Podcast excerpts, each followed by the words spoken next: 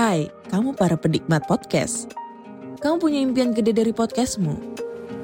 Terus First Story bisa banget bantu kamu. Mulai dari F-Link, Dynamic Audio Insertion, sampai statistik yang komprehensif. Semua ada di First Story. Gak ketinggalan kamu bisa monetisasi podcastmu lewat iklan dari First Story Ads yang bisa kasih kamu penghasilan dari setiap place podcastmu. Yuk gabung sekarang dengan klik di firststory.me. Sekali lagi, klik di firststory.me. Mari kita bawa mimpi podcastingmu menjadi kenyataan. Sebelum masuk ke cerita, aku pengen kenalin nih salah satu hosting. Hosting ini sangat favorit nih buat gue. Kenapa bisa gue bilang ini favorit? Karena hosting ini bisa menghasilkan cuan, cuan. Namanya apa? Namanya First Story. Nah, buat kalian nih yang nggak tahu First Story itu apa, jadi, ini adalah platform palu gada baru yang paling keren, lengkap, dan mudah untuk membuat, mendistribusi, dan mengelola podcast kamu. Di First Story ini, kalian bisa menggunakan fitur-fiturnya 100% gratis. Kamu bisa mengupload episode terjadwal dan mendistribusikan podcastmu di semua platform hits podcast kesayangan kalian. First Story menyediakan customer service yang luar biasa berkat tim yang bersisikan podcaster berpengalaman. Kamu bisa share podcastmu tanpa ribet dengan F-Link yang akan mencakup semua link platform dan sosial mediamu. Dengan First Story Ads, kamu bisa mengakses monetisasi yang mudah dan beneran nih bisa kamu cairkan sesegera mungkin. Tanpa biaya tambahan dan tanpa ribet di garis bawahi. Ribet, gak pakai ribet ya. Jadi tunggu apa lagi? Gunakan hosting First Story sekarang juga. Lisir wangi Seliramu tumaking sirno. Ojo tangi kan guling Awas jok ngetoro. Aku lagi bang wingo wingo Jin setan kang tak utusi Dadyo sembarang. Wojo layu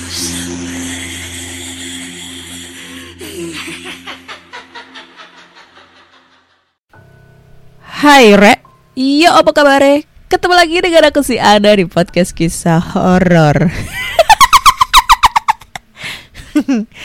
Kita bertemu di episode 207 Dan di episode kali ini aku akan membacakan cerita horor ataupun email berhantu yang sudah dikirimkan teman-teman melalui podcast kisah horor at gmail.com atau di Instagram podcast kisah horor serta Google Form yang lainnya tersedia di bio Instagram podcast kisah horor. Hehehe dari tadi gue di DM PKH mana kak? PKH mana kak PKH ya itu ya pokoknya. Nih nih nih nih baru tayang nih. Tayang dadakan nih ya. Ui. ini hari Sabtu. Gue tayangin hari Sabtu juga. Eh nggak mungkin. Hari Minggu ya. Gue seneng banget. Tadi uh, gue ketemu sama salah satu wah, Hai Kak Akmal. Dari box to box ya. Yang Kak Akmal ini juga uh, ngepodcast juga namanya Dedis Rompis. Ya kumpulan podcast bapak-bapak gitu. Seneng banget. Jadi gue tuh kenapa ya happy banget gue kalau ke podcast ngepodcast itu ya. Happynya karena gue bisa ketemu sama atau berkenalan dengan orang-orang yang udah gede dalam dunia podcast. Wah ada siapa aja? Ada Mr. Popo do you see what I see? Ada Baberane ada lagi Vania dari Little Talks ya yang eksklusif on Spotify gitu. Terus ada Mas Arga podcast bagi horor ada tadi itu uh, Mas Akmal dari Box to Box Dedis Rompis. Ada lagi Thomas Kak Thomas ya. Kak Thomas ini dari Noise. Ada lagi Bang Emil dari orang penting ya orang penting sekarang di noise juga. Ada lagi banyak dah podcaster-podcaster lainnya itu yang membuat gue bingung gitu ya. Pengen gue caper di depan mereka. Pansos pansos dikit-dikit gitu ya. Tapi tetap gue lebih bahagia berkenalan dengan para pendengar podcast kisah horor ya karena tanpa kalian gue nggak bisa sampai di titik sekarang ini ya yang paling utama itu paling seneng gue bisa uh, kenalan dengan pot, uh, pendengar podcast kisah horor. Ya syukur-syukur kalau yang ada di Surabaya kita bisa meet up. Ntar gue ke mana gue bisa meet up. Ini rencana besok gue mau ke situ Bondo nih. Hari Minggu nih ya. Hari ini gitu. Hari ini mau ke situ Bondo. Mau nyamperin ke tempat mantan yang lagi mau nikah. Nggak tahu jadi apa enggak kita lihat aja nanti. Ha nanti bakal ada cerita seru. Pada saat nyamperin mantan nikah. Anjay. Oke langsung aja kita bacain cerita horor nih. Dan cerita pertama ini datang dari ini cerita datang dari Mira. Judulnya adalah mana tadi? Puncak Bukit Biru. Wah seru nih kayaknya. Oke. Mungkin sebagian dari teman-teman pendengar podcast kisah horor tidak asing uh, mana nih? Oh, dengan tempat ini. Bahkan mungkin kalian salah satunya yang pernah ke tempat objek wisata ini. Nah, tempat ini terletak di Kelurahan Bukit Biru, Kecamatan Tenggarong. Kali ini aku ingin berbagi pengalaman mistisku saat aku berada di tempat ini. Mungkin gak cuma aku yang rasain ya, tapi mungkin kalian juga merasakannya hanya saja kalian tidak menyadari. Aku naik ke puncak saat itu malam minggu bersama rombongan teman-teman sekolahku. Kami memutuskan untuk naik ke puncak pada pukul 21 lewat 30 Wita. Lah, di mana ya nih ya? Tenggarong tuh di mana? Empat cowok, tiga cewek uh, jumlah kami memang ganjil. Tapi menurut kami itu bukanlah menjadi masalah. Perjalanan dari rumah menuju puncak itu aman lancar jaya. Gak ada yang aneh dan semua planning berjalan dengan apa yang dimau. Namun aku merasa seperti ada yang aneh. Saat mulai memasuki parkiran kendaraan yang ada tidak jauh dari jalan masuk menuju ke puncak, seperti ada yang ganjil tapi apa gitu aku nggak mau membuat teman-temanku tuh takut jadi ku abaikan aja rasa penasaranku. Kalian bawa ini ya kami bawa ini ucap temanku yang berinisial R sembari menyerahkan tas yang berisi makanan kepada kami. Oke kalian jalan duluan ya biar kami yang cowok berjalan di belakang ucapku. Nah, saat kami sudah berada di pertengahan jalan perasaan, eh salah nih. Saat kami sudah berada di pertengahan jalan, perasaan ini semakin tidak enak. Seperti ada yang memperhatikan gerak-gerik kami atau hanya perasaanku aja. Saat kami sudah berada di pertengahan jalan, eh mana sih? Oh, Istirahat sebentar ya di sini, capek banget. Udah basah nih baju keringetan. Pinta salah satu temanku yang cewek nih. Ya nih, nafasku juga udah terengah-engah, saut temanku. Aku dan teman-teman yang lain menuruti permintaan mereka. Saat ini kami berada di dekat pohon bambu yang rimbun dan ada pohon besar yang tumbuh di tengah jalan. Kalau kalian pernah ke sini, kalian pasti tidak asing dengan bagian tempat ini. Saat aku minum air mineral dalam botol, secara refleks aku mendonggak ke atas. Tidak sengaja, aku melihat sesosok makhluk halus bermata merah sedang menatap ke arah kami. Betapa aku terkejutnya dan cepat kubungkam mulutku. Takut teman-temanku menjadi takut. Lanjut yuk. Nanti kalau udah di atas kita puasin istirahat, ucapku. Temanku menganggukkan kepala pertanda ayo. Baru saja beberapa langkah kami berjalan, pohon bambu ini bergoyang-goyang. Padahal tidak ada angin dan hujan. Temanku yang cewek seperti ketakutan dan terus memperhatikan pohon bambu itu. Namun kami terus melanjutkan perjalanan kami untuk naik ke atas puncak. Waktu telah menunjukkan pukul 10 lewat 15 Wita. Malam semakin larut udara semakin dingin. Suasana semakin sepi. Semakin naik ke atas, bulu kuduk semakin merinding. Tiba-tiba temanku berinisial R menghentikan langkahnya.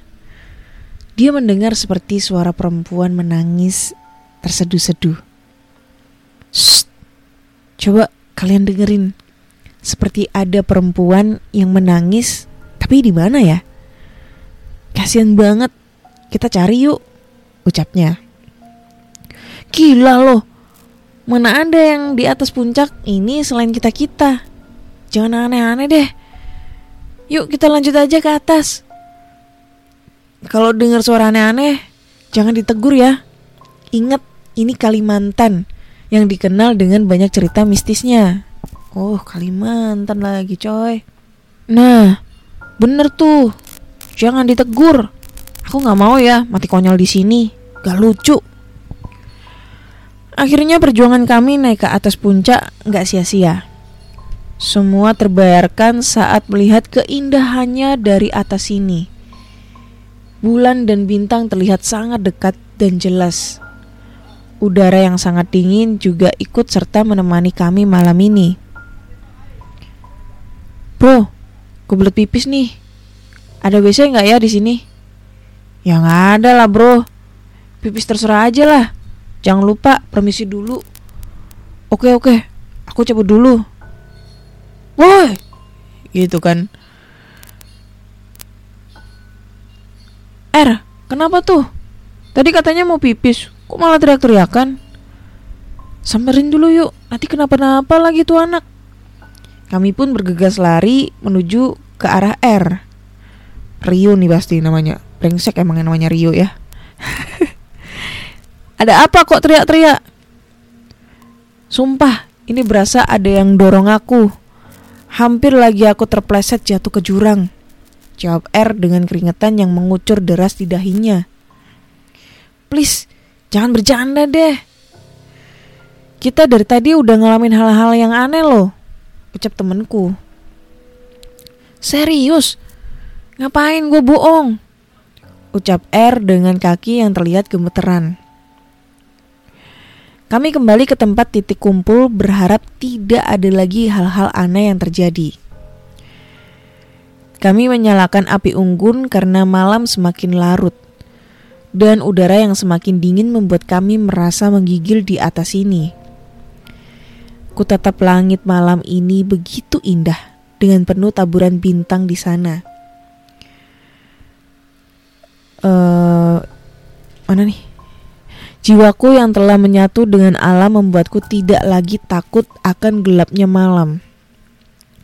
Malah aku menyukai bagian hidup yang seperti ini.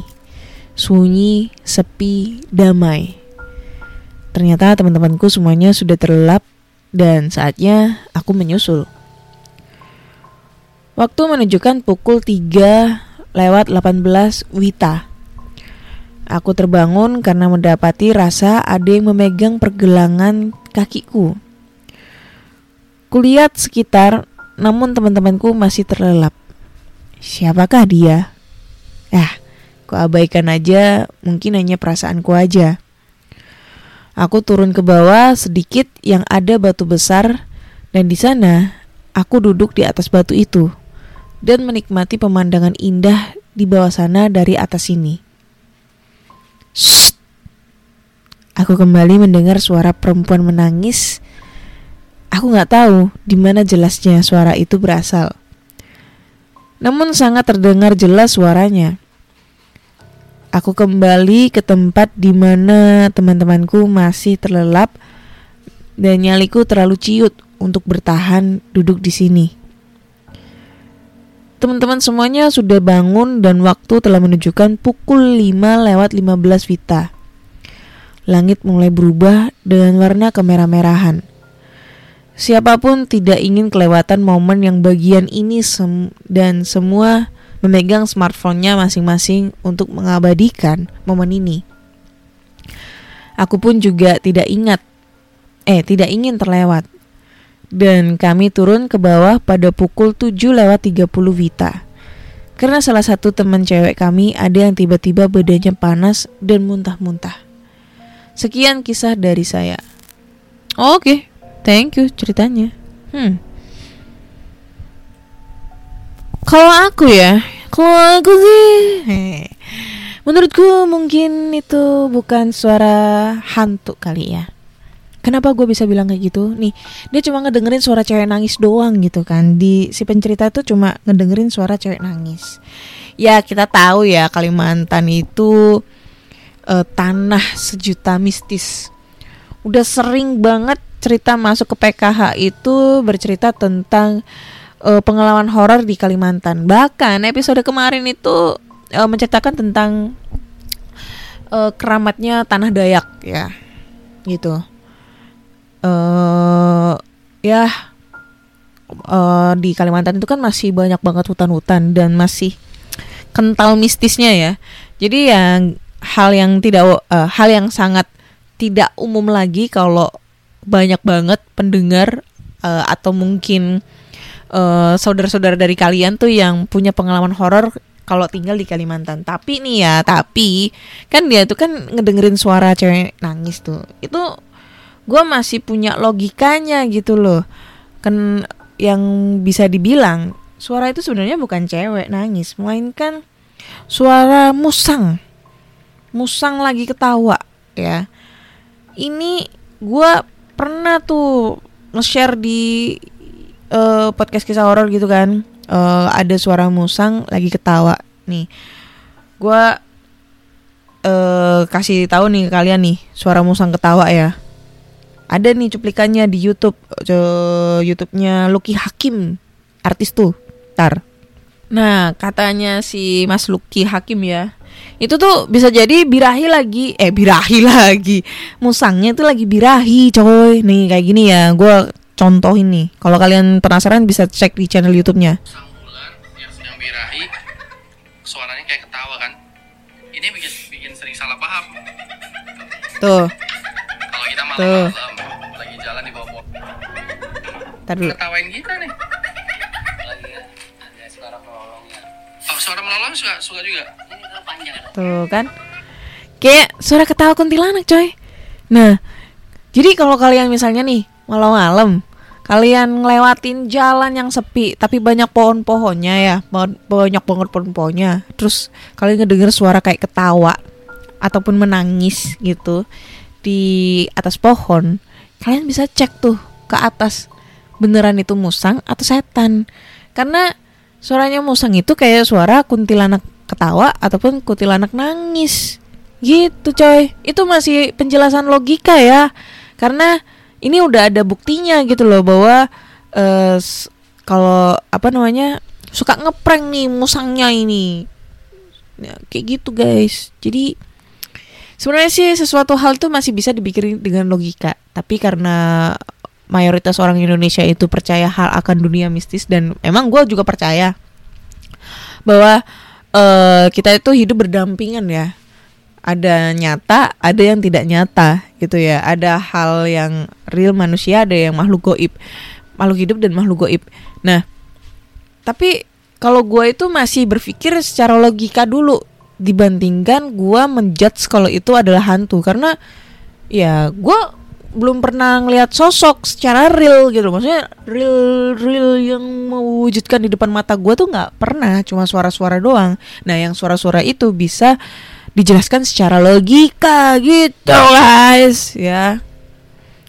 Tuh itu tips and trick. Oke jadi kita lanjut cerita kedua nih ya cerita kedua cerita kedua ini berjudul mana nih? Penunggu workshop. Wah penunggu bengkel. Oke. Hai kak. Kenalkan namaku M inisial. M lagi nih tadi Mira sekarang M.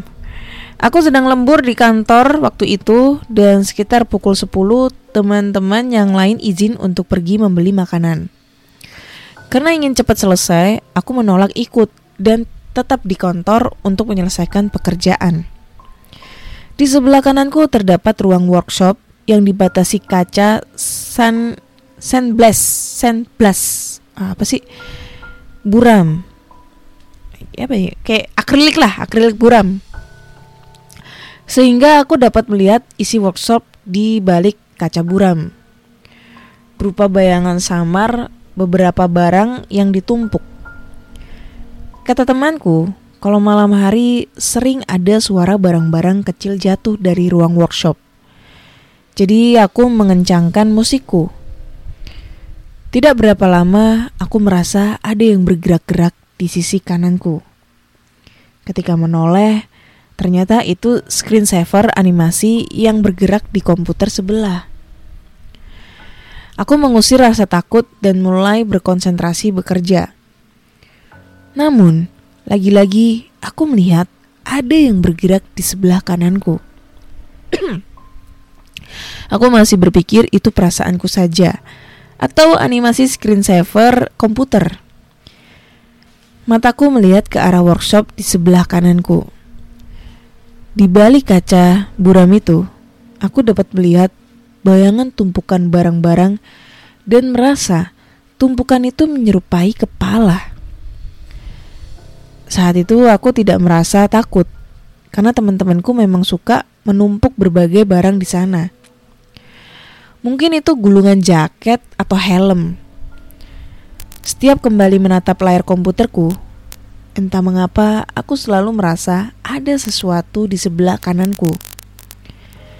Aku kembali menengok ke kanan, lalu ke komputerku, lalu ke kanan lagi, sampai berkali-kali. Pada akhirnya, aku melihat sudut workshop Tiba-tiba ada bayangan seperti orang bangkit dari duduknya di dalam sana. Jantungku serasa mau copot. Ketika aku melihat ke sana lagi, bayangan tumpukan barang itu telah menghilang. Iklan lowongan baru setiap hari berarti kesempatan baru. Jangan sampai ketinggalan. Buat job alert. Hah? Siapa dia? Eh gimana sih nih ceritanya anjay Ya itu langsung Oke okay. Kemudian di cerita kedua ini judulnya Siapa Dia Malam itu aku sedang lembur seorang diri di kantor Karena minggu depan aku berencana untuk cuti Sedang serius bekerja Tiba-tiba seorang teman yang kubikalnya di sebelahku datang dengan muka kusut Ternyata ia berniat untuk lembur juga. Aku senang ada teman lembur. Berhubung gedung kantorku terbilang tua dan rumornya lumayan angker. Kami akhirnya bekerja bersama dengan konsentrasi. Setelah beberapa saat, temanku permisi ke kamar kecil, sementara aku terus bekerja. Beberapa menit kemudian, temanku tadi sebut saja namanya Ida menelpon ke ponselku. Ia meminta dilihatkan apakah chargernya ada di meja. Aku bangkit dan mencari-cari lalu mengabarkan padanya bahwa chargernya ada di bawah meja. Ida kedengeran lega. Ia memintaku menyimpankan chargernya di laci dan akan mengambilnya besok pagi. Besok pagi? Tanyaku heran. Kamu di mana, Dak? Masih di WC? WC? Tanya Ida kebingungan. Aku di rumah. Kan udah pulang dari tadi sore. Jantungku melompat. Ida di rumah. Perasaan tidak enak langsung menggulungku. Tadi siapa dong? Aku gemetar dan tidak mau tahu jawabannya. Bergegas aku membereskan barang dan setengah berlari menuju lift untuk turun ke bawah. Kabur, kabur, kabur. Hanya itu yang berdentum di kepalaku saat aku melangkah masuk ke lift. Pintu lift perlahan menutup. Aku mengembuskan nafas lega. Namun, pintu lift yang setengah tertutup membuka lebar kembali. Aku hanya bisa mundur sampai punggungku menempel erat pada dinding lift.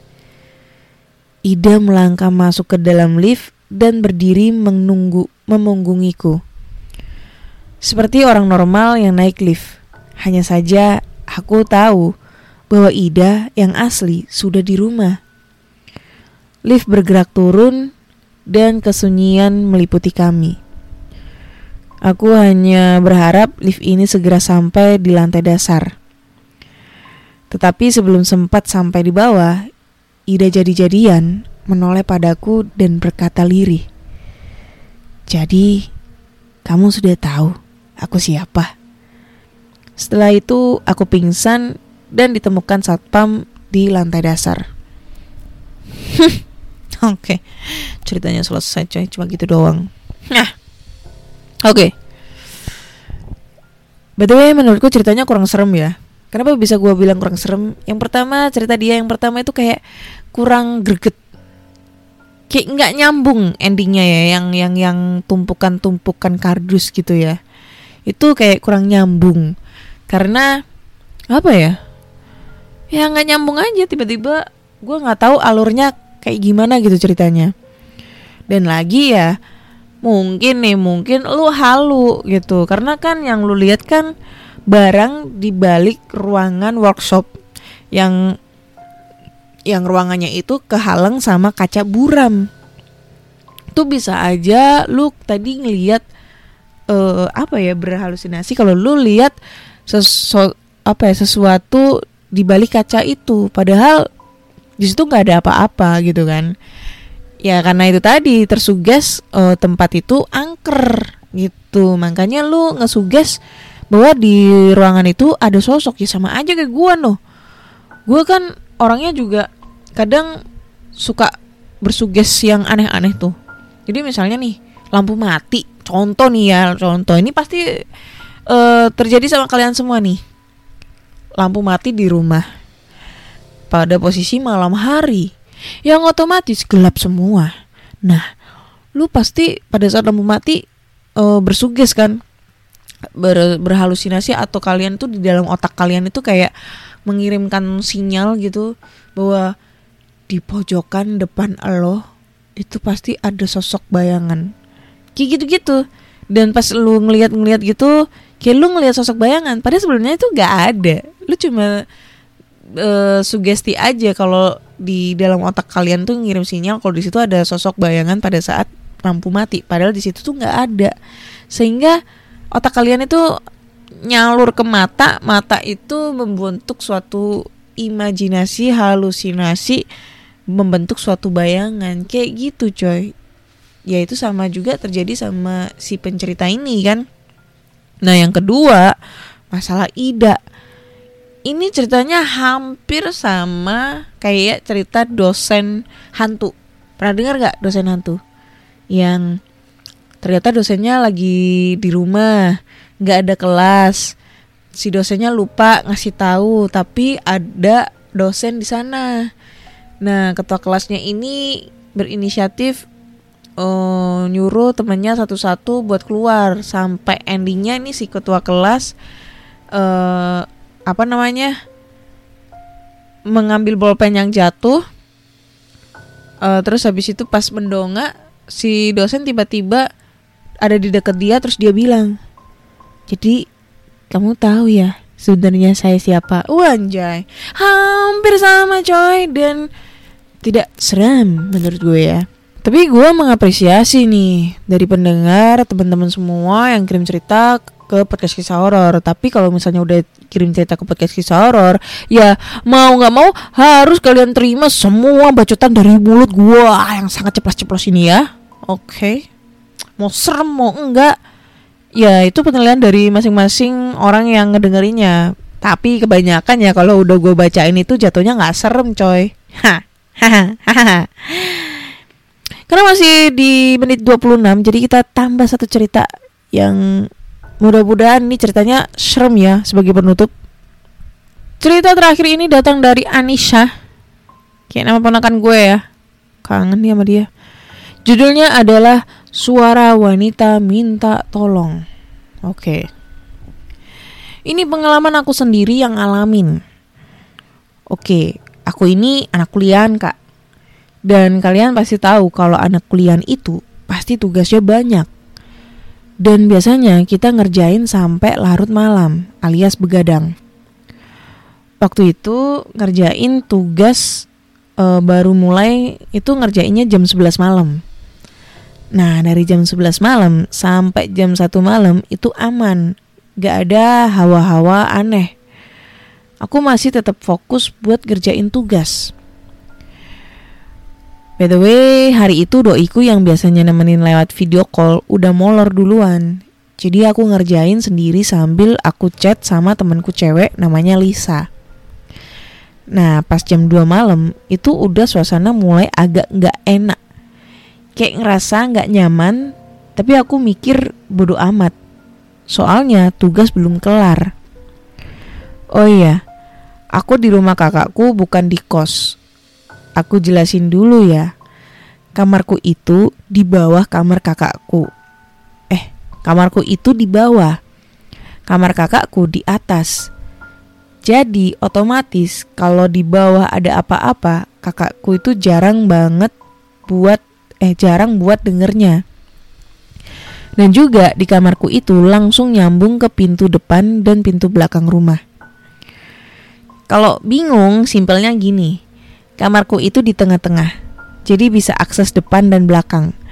Dan juga toiletku itu di dalam kamar.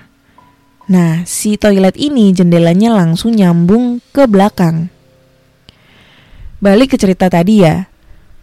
Aku udah mulai gak enak tuh. Tapi tetap lanjut aja. Sampai pas pukul 3 malam, aku dengar suara cewek yang minta tolong. Dengan nada yang merintih banget kalau di bahasa Jawa ngere, ngeres nek hati. Kalau di bahasa Indonesia itu kayak bener-bener nyayat hati.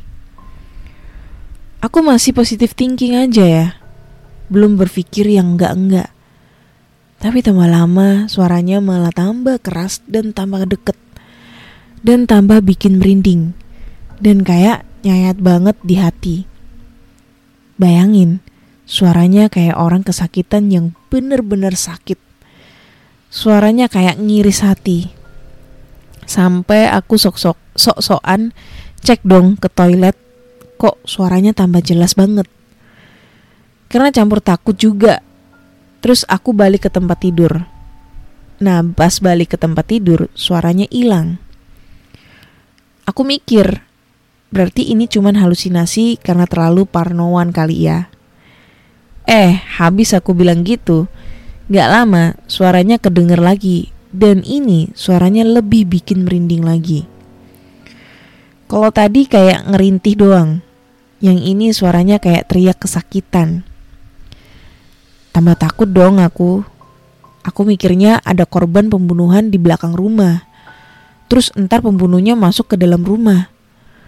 Karena suaranya terus-terusan jiwa pahlawan kesianganku pun keluar. Kemalaman yang ada ya. Aku berdiri buka pintu kamar dan buka pintu belakang. Dan suaranya hilang. Gak ada apa-apa. Gak ada siapa-siapa juga. Nah, di sini lagi shock dulu. Loading lama banget. Terus sambil loading, aku tutup pintu belakang, aku balik ke kamarku. Di sini merinding sejadi-jadinya. Langsung kayak hawa kamar ini bener-bener langsung berubah jadi lebih horor dari yang tadi. Baru aku nyadar kalau itu suara hantu. Fix, hantu nih, bukan manusia. Karena nyadar takutku tambah jadi. Soalnya aku takut suara itu kedenger lagi. Karena saking takutnya, laptop aku tutup Aku ambil HP terus chat ke temenku namanya Lisa tadi. Eh, dia penakut juga. Jadi suasana tambah serem lagi. Karena tambah serem, aku mikir aku harus tidur entah gimana caranya. Selimut aku nut aku tarik nutupi semua. Eh, tiba-tiba suaranya kedengeran lagi dong. Udah, aku dalam hati cuman solawati Nabi terus sampai aku ketiduran. Nggak tahu itu bisa tidur kayak gimana. Jadi gitu ceritanya kak. Kalau ingat-ingat masih merinding banget karena suaranya itu berasa nyata. Makasih ya kak udah mau ngebacain pengalaman horor aku. Oke, thank you Anissa buat ceritanya penutup yang lumayan serem ya karena gue juga pernah mengalami hal yang serupa, tapi gue masih mikir tuh, tuh beneran suara setan apa enggak gitu ya? Gue nggak nggak nemuin hal logika apa hal yang realnya ya. Logikanya mungkin tuh suara kucing gue kayak apa segala macem. Eh, gue masih masih berpikir 50-50 apakah itu hantu atau bukan. Karena suaranya emang bikin gue merinding sekelebat merinding ya. Tapi gue nggak menemukan sosok realnya. Maksudnya gue nggak nemuin sosok gue cuma nemuin suara yang gue pernah ceritain di episode-episode yang udah lama-lama banget dan gue sering ceritain tuh ya gue kedenger suara cewek nangis di dalam kamar gue pas bulan puasa. Tuh gue sering ngedengerin suara orang itu di dep- di samping kamar gua gua suka nge- ngedengerin orang jalan duk duk duk duk gitu di depan kamar gua karena kamar kamar gua kan lantainya di atas terus dari keramik.